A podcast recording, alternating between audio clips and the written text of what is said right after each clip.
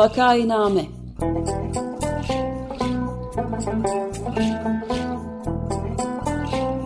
Salgın günlerinde memleket manzaraları. Hazırlayan ve sunanlar Güven Güzeldere, Ömer Madra ve Özlem Tekin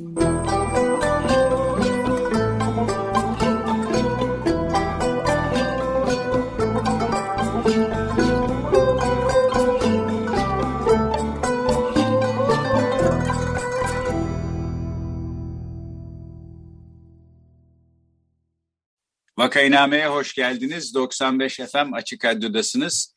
Programı Ömer Madra, Özlem Teke ve ben Güven Güzeldere birlikte sunuyoruz. Bugün konuğumuz Doktor Uğur Çıkıkçılı. Hoş geldin Uğur, merhaba. Merhaba Güven Bey, hoş bulduk. Merhaba Uğur, hoş geldin. Merhaba Ömer Bey. Merhaba Özlem Hanım. Merhabalar, konuğumuz Uğur Çıkrıkçılı. Kendisi Artvin Devlet Hastanesi psikiyatri uzmanı. Aynı zamanda Rize Artvin Tabip Odası Yönetim Kurulu üyesi ve Türkiye Psikiyatri Derneği Ruhsal Travma ve Afet Çalışma Birimi üyesi. Ee, kendisi aynı zamanda Açık Radyo, Açık Şemsiye programında yapımcılarından. Hoş geldiniz. Hoş bulduk tekrar o zaman. Merhaba. Ee, şimdi biz bugün ne konuşmak istiyoruz? Öncelikle e, üç gün önce salı günü sağlık çalışanlarının yurt e, çapında bir eylemi oldu. E, bence çok haklı istekleri, talepleri var. E, ne istiyorlar? Sağlıkta şiddet yasası diye bir yasa isteniyor. Bu yasa niye önemli ve acil? Bundan konuşacağız. Fakat buraya giriş yapmadan önce e, Uğur Çıkıkçılı bize kendi başına gelen bir şey de anlatacak. Bu aslında konumuzla da e, çok e, bağlı. E, Rize e, Artvin Devlet Hastanesi'nde görev yapıyor e, Uğur ve yurdun pek çok yerinde olduğu olan şeylerden bir tanesi maalesef onun da başına geldi geçen hafta. Yani gecesini gündüzüne katarak orada çalıştığı halde işte hastalarından bir tanesi ya da neyse bir adam diyelim bıçak çekerek Uğur'un üstüne saldırdı e, şans eseri kurtuldu aramızda. iyi ki öyle. Yoksa bugün işte Uğur'un arkasından e, acılı sözler söylüyor olacaktık. E, yani böyle bir gerçekle gün be gün e, sağlık çalışanlarının yüz yüze olduğunu unutmamak lazım. Biraz bu e, kişisel deneyimden başlayıp belki sonra da e, bunu e, Türkiye çapında e, genelleştirmek e, belki en doğrusu olur. Geçmiş olsun öncelikle. Teşekkür ederim Güven Bey. Benden de ee, geçmiş olsun. Sağ olun Geçmiş olsun. Sağ olun. O zaman ee, şimdi evet hani bu öznel deneyimden çıkıp biraz daha sonrasında genelleştireyim isterseniz. Hatta bu öznel deneyime bir iki e, küçük katkı daha yaparak da anlatabilirim e, bu deneyimlerimi. Şimdi primerde çok şiddet e, travmayla da hani, ilişkili çalıştığım için en azından bir tarafıyla da çok meslekten çok içeriden bir yerden de e, bu deneyimi anlatacağım.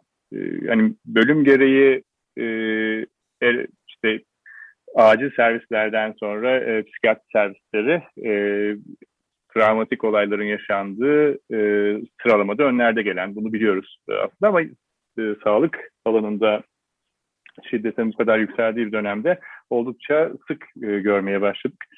E, ya benim yaşadığım deneyim e, yani kabaca anlatmam gerekirse sırası daha gelmemiş olan bir e, kişinin tekrarlayıcı şekilde içeri girip hatta ilaçları da şöyle masaya atıp e, işte bunlar yazılacak. Bakın sıranız gelmedi dışarıda bekleyin sıranız gene çağıracağız dememe rağmen devam eden. Sırası gelince içeri geldiğinde benden önce niye 20 kişiye baktın beni bu kadar geç alıyorsun diyerek e, başlayan bir sözel tartışma. Aslında burada beni de e, etkileyen ve aslında bu konuda üzerine düşünmeye ve tartışmaya e, sevk eden noktada e, bundan sonra gelen cümleler. İşte bu yüzden siz sağ, e, doktorlar öldürülüyorsunuz. İyi ki de sizi öldürüyorlar. Nimalinde bir e, e, işte bir fevran ve ondan sonra bir fiziksel e, bir temasımız oluyor. Ardından e, işte kişi e, ellerini arkasına atıp bıçağını çıkarıp benim yüzüme doğru işte sallıyor bıçağı. Hani o sırada bir refleks kaçıyorum. Diğer e, kapı o sıra aralık. E, bekleyen danışan ya da hastalardan biri gelip e, bu kişiyi alıp dışarı çıkartıyor ve e, ondan sonra işte polis ve güvenlik süreci başlıyor. E, yani bu, burada hani olayın vahimliği ayrı, e, sağlıkçılar olarak duyduğumuz e, siz doktorla ya da en azından kendi alanından konuşuyoruz doktorlar e, ölmeyi de dövülmeyi de hak ediyorsunuz. E, bu cümlesini o kadar sık duyar olduk ki e, yani bunu kırmak, bunu değiştirmek oldukça zor olacak ama burada konuşuruz programın sonuna doğru ne yapılabilir noktasında. Böyle bir deneyim var, böyle de bir sorun var. Tabii ondan sonra kısım biraz daha travmatik. Yani olayı yaşamış olmanız e, bu ülke çok travmatik bir ülke, çok e, stres düzeyimizi yükselten bir ülke ne yazık ki. E, ama iş orada bitmedi. Ondan sonra hukuk süreci başladı. E, ama daha ilk değerlendirmede, e, hakimin değerlendirmesinde bu kişi serbest. E, işte sil ki silah e, ya da işte bıçak e, zaten üzerinden çıktı. Kendisi de e, bunu eylemi yaptığını söyledi. E, ama serbest bırakıldı. Adli kontrol getirilmeden üstüne e, bu yapıldı. Yani kişi istediği yere gidebilir, ülke değiştirebilir bir durumdaydı. İşte Türk Tabipleri Birliği Hukuk Bürosu'nun e, bir Ankara'dan bakanlığa bir baskısı, e, onların da e, bakanlığın da mahkemeye e, bir trafiği oldu. Ve bizim buradan kendi avukatımla olan başvurular neticesinde ikinci gün adli kontrol geldi. Ama e, ciddi bir ölüm tehdidi var burada ve tekrarlama olasılığı var. Biz e, bu kişinin en azından belli bir süre e, gözaltı, gözaltı olmadan tutuklanmasını talep ettik. Ama maalesef kanun ve e, yurt e, şey, yasalar şey, buna izin e, vermiyor. Bizim ya da mağdur lehine karar çıkamıyor. Bunu e, çok e, kişiden, çok yakın çevremdeki arkadaşlarımdan da biliyorum. E, ona da değinmek gerekirse 1 ile 3 yıl arasında bu bu saldırının bir nasıl bir ceza müeyyide uygulanabilir durumu var. 2020'de çıkan e, sağlıkta şiddet yasası ki o zaman yine bizlerin bunun yeterli olmayacağını söylediğimiz bir e, yasa tasarısı bir düzenlemeydi bu. Evet %50 oranında e, bu arttırılabiliyor o uygulanan ceza. E, ceza e, ertelenmiyor e, şeklinde çıkmıştı. Ama uygulamaya bakınca şimdi 1 ile 3 yıl arasında bir ceza var ama bu bu sefer de eylemin e, neticelenip neticelenmediğine bakılıyor. Yani bu kişi e, bir tehdit ve bir ölümcül de bir şekilde yani bir hani öyle bir çıkartıp uzak dur benden değil yani kişinin yüzüne doğru bu kesici delici e, objeyi e, tutup sallayabiliyor. E, tamamlanıp tamamlanmadı. Tamamlanmadığı için bu ceza yani bu 1 ile 3 yıl arasındaki verilecek ceza %50 ile %75 arasında indirime de gidebiliyor. Buradaki e, alt parantezde basit tıbbi müdahale giderilebilir, giderilemez. E, yani bu kişi bir kesik, bir delik açabilirdi benim bedenimde. Bu basit bir tıbbi müdahale, bir sütür, bir dikişte giderilebiliyor mu, giderilemiyor mu? Buna da bakılacak. Yani ez cümle e, benim ya bir hastanelik e, tırnak içerisinde olmam, yoğun bakımlık olmam veyahut da ölmem gerekiyordu ki bu kişiye bir e, gereken ceza e, en azından tutuklama verilebilir. E, bu şartlar altında yapılan değerlendirmede de e, kişi e, tehdit unsuru oluşturmuyor kanaatiyle hukuk tarafından e, işte haftada iki gün emniyete gidip imza vermesi koşuluyla e, serbest bırakıldı. Şu an dışarıda. Evet yani bu adam pardon cebine bıçağı koyup hastaneye geliyor. Bıçağı evet. çıkarken yüzüne doğru sallıyor ve e, hapiste değil, tutuklu değil. E, şimdi biz e, Kasım ben ayın... Pardon bir tek e, ufak ha, ilavede bulunabilir miyim lütfen? E, yani biraz önce Uğur şey dedi e, e, tehdit dedi aslında belki de teşebbüs de olduğunu söylemek gerekiyor. Yani hukuk Hı. ceza hukuku mantığının ve dilini kullanacak olursak burada tehdidin ötesinde bir e, var. Yani teşebbüs de olduğu söylenebilir ve e, şey son yani şans eseri kurtulma gibi de bir durum var yani. Buna rağmen de mahkeme herhangi bir e, tedbir, gözaltı ya da tutuklama gibi bir şeyi öngörmüyor öyle mi? Evet. E, şimdi bir örnek daha vereyim ben size. E, mecbur yeni geldiğim dönemde tabii e, silah ruhsatları biliyorsunuz işte bir ruhsal durum değerlendirmesinden de geçiyor. Hayat sağlık heyet raporlarında çıkıyor. E, o zaman yaptığım bir değerlendirmede e, olumsuz kanaat belirtmiştim kişinin durumundan ötürü. E, bu sabah oldu. Öğleden sonra poliklinik basıldı. E, bu kişinin kendisi ve babası tarafından. E, işte o zaman bir beyaz kod verildi. Beyaz kod dediğimizde belki bilmeyenler olabilir. E, hastanede sağlık o sağlık merkezi çalışanların e, şiddete e, uğramaması için verilen bir koruyucu bir e, durum. İşte 1111'e basarsınız, beyaz kod dersiniz. İşte güvenlik gelip e, hastane polisine haber verilir ve bir kamu davası açılır kişiye. E, e, bu poliklinik basılmıştı. E, işte yine tehditler, işte yeni başladığını biliyoruz. Burası küçük yer, e, başına neler gelebilir. Yani çok açık tehditler falan. Ee, ve işte savcılığa gidildi. Savcılıkta da aynen ben şunu söylemiştim. Yani işte görüyorsunuz tam da bu nedenle e, bu kişiye silah ruhsatı verilmemesi gerekiyor. E, hani bunu silahsız halde yapan silahlıken neler e, yapar şeklinde bir konuşmamız geçmişti. Ama bu kişi de serbest bırakıldı ve e, birkaç hafta sonra gelmişti e, elinde şey de gösterdi kağıdı e, sen vermedin ama ben raporumu aldım deyip e, ondan sonra çıkmıştı. Yani hani bu bir tehdit gibi de düşünülebilir ama hani beni geçelim e, toplum içinde bir risk oluşturuyor mudur? Pekala oluşturuyordur ama e, kişi da istediğini almış. Evet. E, biz e, Kasım ayında Türk Tabipleri Birliği Başkanı e, Profesör Şebnem Korur Fincancı ile bir program yapmıştık. Hekimlerin Hı, ve beyin göçünden bahsetmiştik.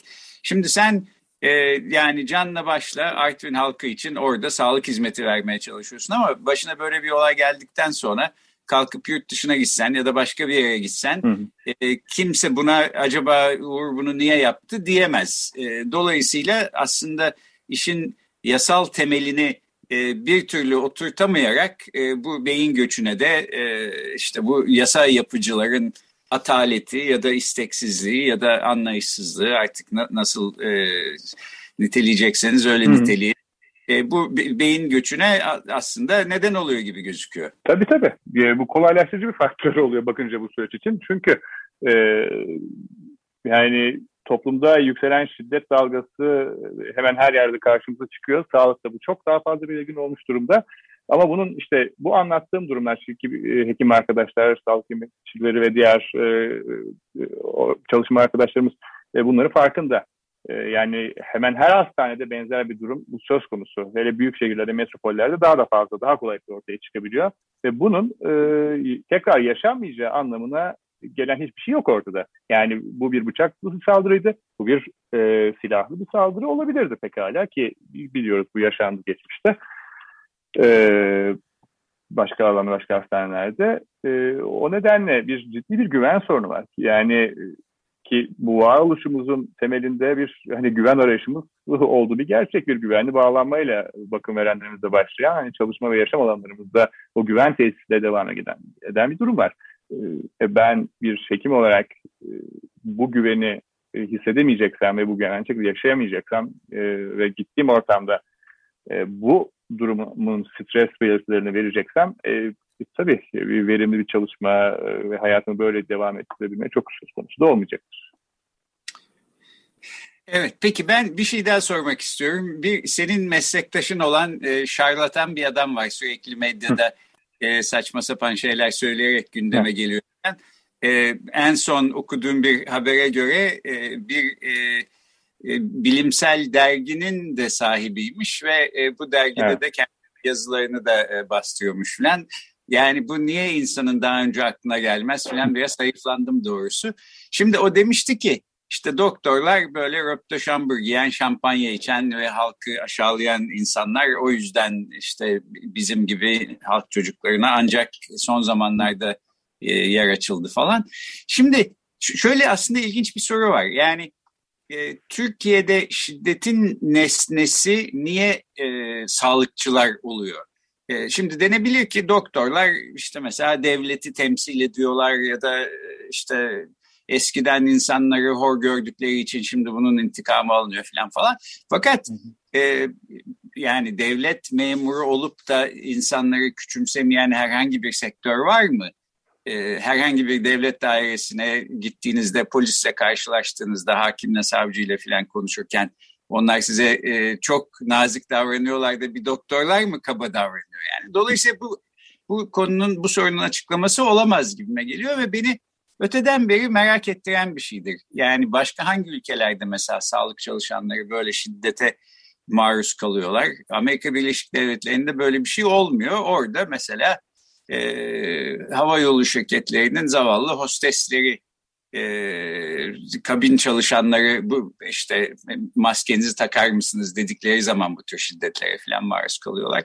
Senin şimdi daha genel olarak hekimlerin talepleri neler diye de sormak istiyorum ama ondan önce bu konuda bir şeyin öngörün var mıdır? Hı hı.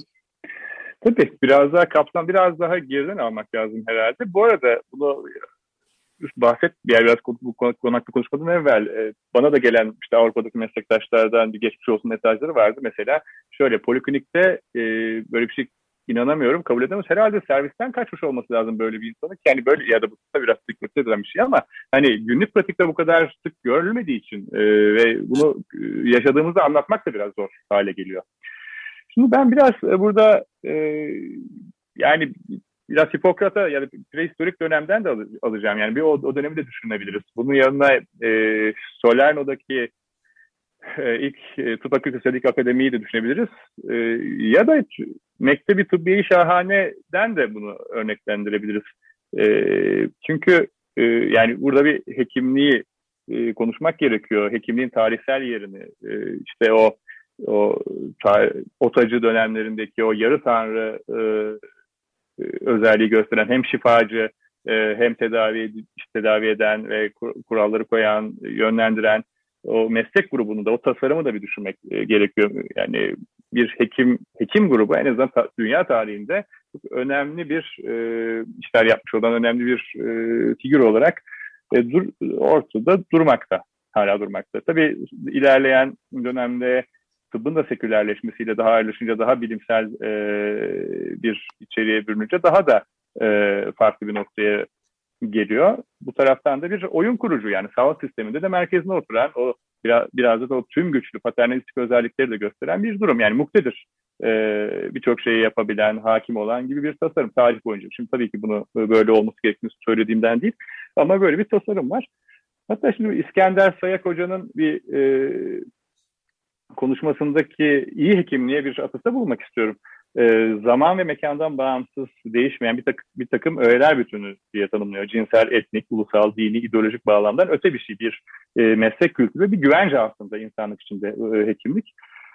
E, ama e, işte bir e, kapitalist dünyada bir metalaşmanın da getirdiği, sağlık sisteminin alınıp satılabilirdiği, pazarlanabildiği ki bu ülkemizde de e, şehir hastaneleri modeliyle de zaten çok ayyuka çıkmış olan e, bir e, durum haline geldi. E, bunu değiştirebilmek, dönüştürmek için bir hekim e, bitini, kültürünü biraz değiştirmek gerekiyor. Bir Sağlık Bakanı bu ülkede çıkıp da doktorlar hastaların elin, e, cebinden elini çeksin ya da o dönemin bir başbakanı e, işte o doktor efendi dönemi bitti bir iğne bile yapamayacak insanlar bunlar diye e, bir söylemlerle e, e, yani bu kitleye karşı olan e, bir e, sorunun daha da büyümesine e, yol e, açılmış durumda. Ve bakınca şimdi bu söylemlere de hani benim başıma gelen olayda da e, niye beni daha önce almadın? Yani e, sıranız bu. Yani e, ben sizi daha fazla bir şey yapamam ama oradaki algı muhtemelen o paternalistik algı diye düşünüyorum. Yani istese yapar ama yapmıyor. E, ya da e, bana gelen işte e, geri dönüşlerde de mesela burada tek hekim çalışıyorum ben. E, bir e, hastamız dilekçe vermiş. E, bir doktor yetmiyor, ikinci doktor gelsin. E, valilikten bana gelen telefonda şu deniyor. Tamam hani bunu aldık, ikinci bir doktor isteniyor. Ama siz ne yapabilirsiniz? Ben ne yapabilirim? Ben zaten yapacak olsam bir şey yapardım. Yani bu idare olarak çözmez Ya da bakanlığa da aynı gidince. Bakanlıktan bize yazı geliyor. Yani e, kişiler e, sağlık sisteminde gidecek bir yol bulamadığı için yani görünürde hekimliğe e, sağlık sistemine ulaşmak çok kolay. Doğru eskiye göre belki daha kolay ama hani çözüm gelinen nokta, gelinen tedavilerin başarısı e, gibi noktalara bakınca e, bu kadar başvurunun altından kalkabilecek bir durumda değiliz. İşte bunun sorumlusu da merkezde hekime kolaylıkla da ulaşılabilen hekim olunca şiddet gören e, noktada da tabii e, daha fazla hekim oluyor. Ya da diğer sağlık çalışanları arkasından gidiyor. Evet yani bu sağlıkta şiddetin altında aslında çalışmayan bir sistemin de etkisi Kesinlikle. Gözüküyor. Peki şimdi daha genel olarak e, işte salı günü sokaklardaydı bütün sağlık çalışanları. Hı hı e, yurt e, çapında bir eylem gerçekleştirdiler. Ben Benim çok haklı bulduğum talepleri var. E, sağlık çalışanları ne istiyor? Sen ne istiyorsun? Nelerin en acil olarak düzeltilmesi lazım? Belki son kısımda da bunu konuşalım. Ee, şimdi program başlamadan e, Adalet Bak yeni Adalet Bakanı'nın açıklamasını gördüm. Bakanlıkla bir Sağlık Bakanı Sayın Koca ile görüştüğünün de bahsetmiş. Yeni bir sağlık sistemi yasasının değişmesine ilişkin bir istişarede bulunmuşlar. Ee, ilk nokta benim söyleyeceğim bu. Yani bu sağlıkta şiddet hekimler için gerçekten dayanılmaz ve katlanılamaz bir hale geldi ve ciddi bir mutsuzluk ve tükenmiştik. Ya hem çalışma şartları hem de görülen muameleden dolayı e, bu sürdürülebilir bir noktada değil gerçekten. Oldukça fazla sayıda istifa e, haberi geliyor Türkiye'nin dört bir yanında. E, bir numara olarak e, benim de bunun mağduru olmuş olmam sebebiyle benim söyleyeceğim bu sağlıklı şiddet yasasının kesinlikle çıkarılması gerekiyor. Çünkü bu yasa çıkarılmadan bunların bu şiddetin önüne geçmenin mümkünatı şu an yok ki anlattığım örnekte de ortaya e, da koyduğumu düşünüyorum.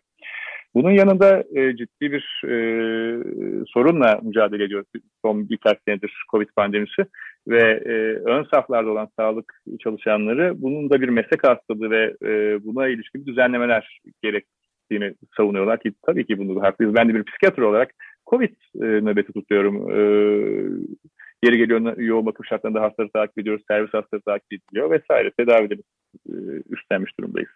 Bunun yanında e, daha e, iyi ekonomik e, şartlar gerekiyor. Ciddi bir ekonomik krizden geçtiğimiz zaten ortada. E, hemen her gün bir e, haber duyuyoruz. iş bırakmalar vesaire diğer sektörlerde de.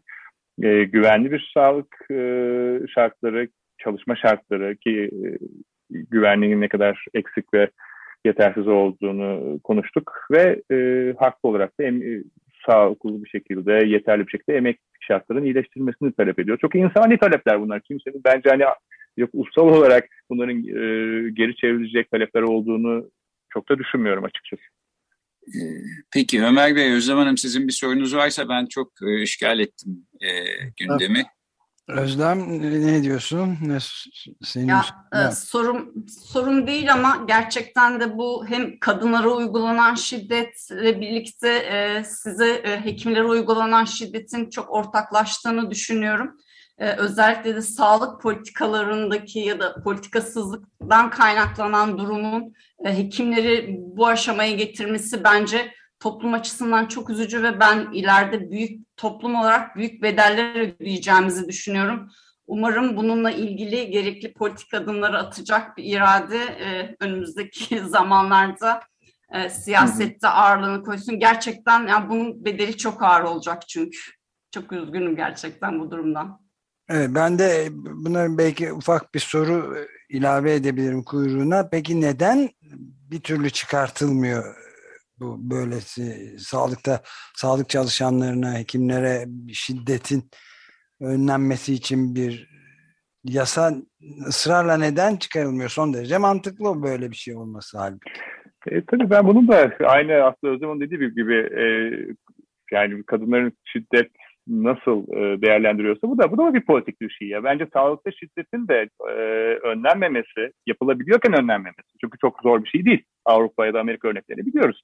Bunun çok politik olduğunu düşünüyorum. Yani sağlık sistemi iyi bir oy potansiyeli, iyi bir oy, oy kaynağı, e, iyi bir gündem değiştirme, iyi bir e, süreç götürme olanağıdır e, bir e, iktidar için e, ve e, ve bunu da biliyoruz bu sağlıkta dönüşümün ne kadar yük, e, yüklü bir propaganda malzemesi haline getirildiğini e, ve bir karşılık bulduğunu da e, yani hekimlere ve sağlık çalışanlarının bu kadar bastırıldığı bir ortamda e, mevcut sistemde devam edecek, sürecektir diye düşünüyorum.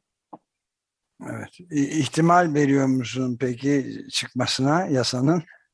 Ee, yani Zor bir soru gerçekten. Şimdi bir anda cevap veremedim fark ettiyseniz. Ee, ama baskı yapmak durumundayız. Bu böyle gitmeyecek çünkü. Evet. Yani çok ciddi bir kayıp haline gelecek Türkiye için gitgide.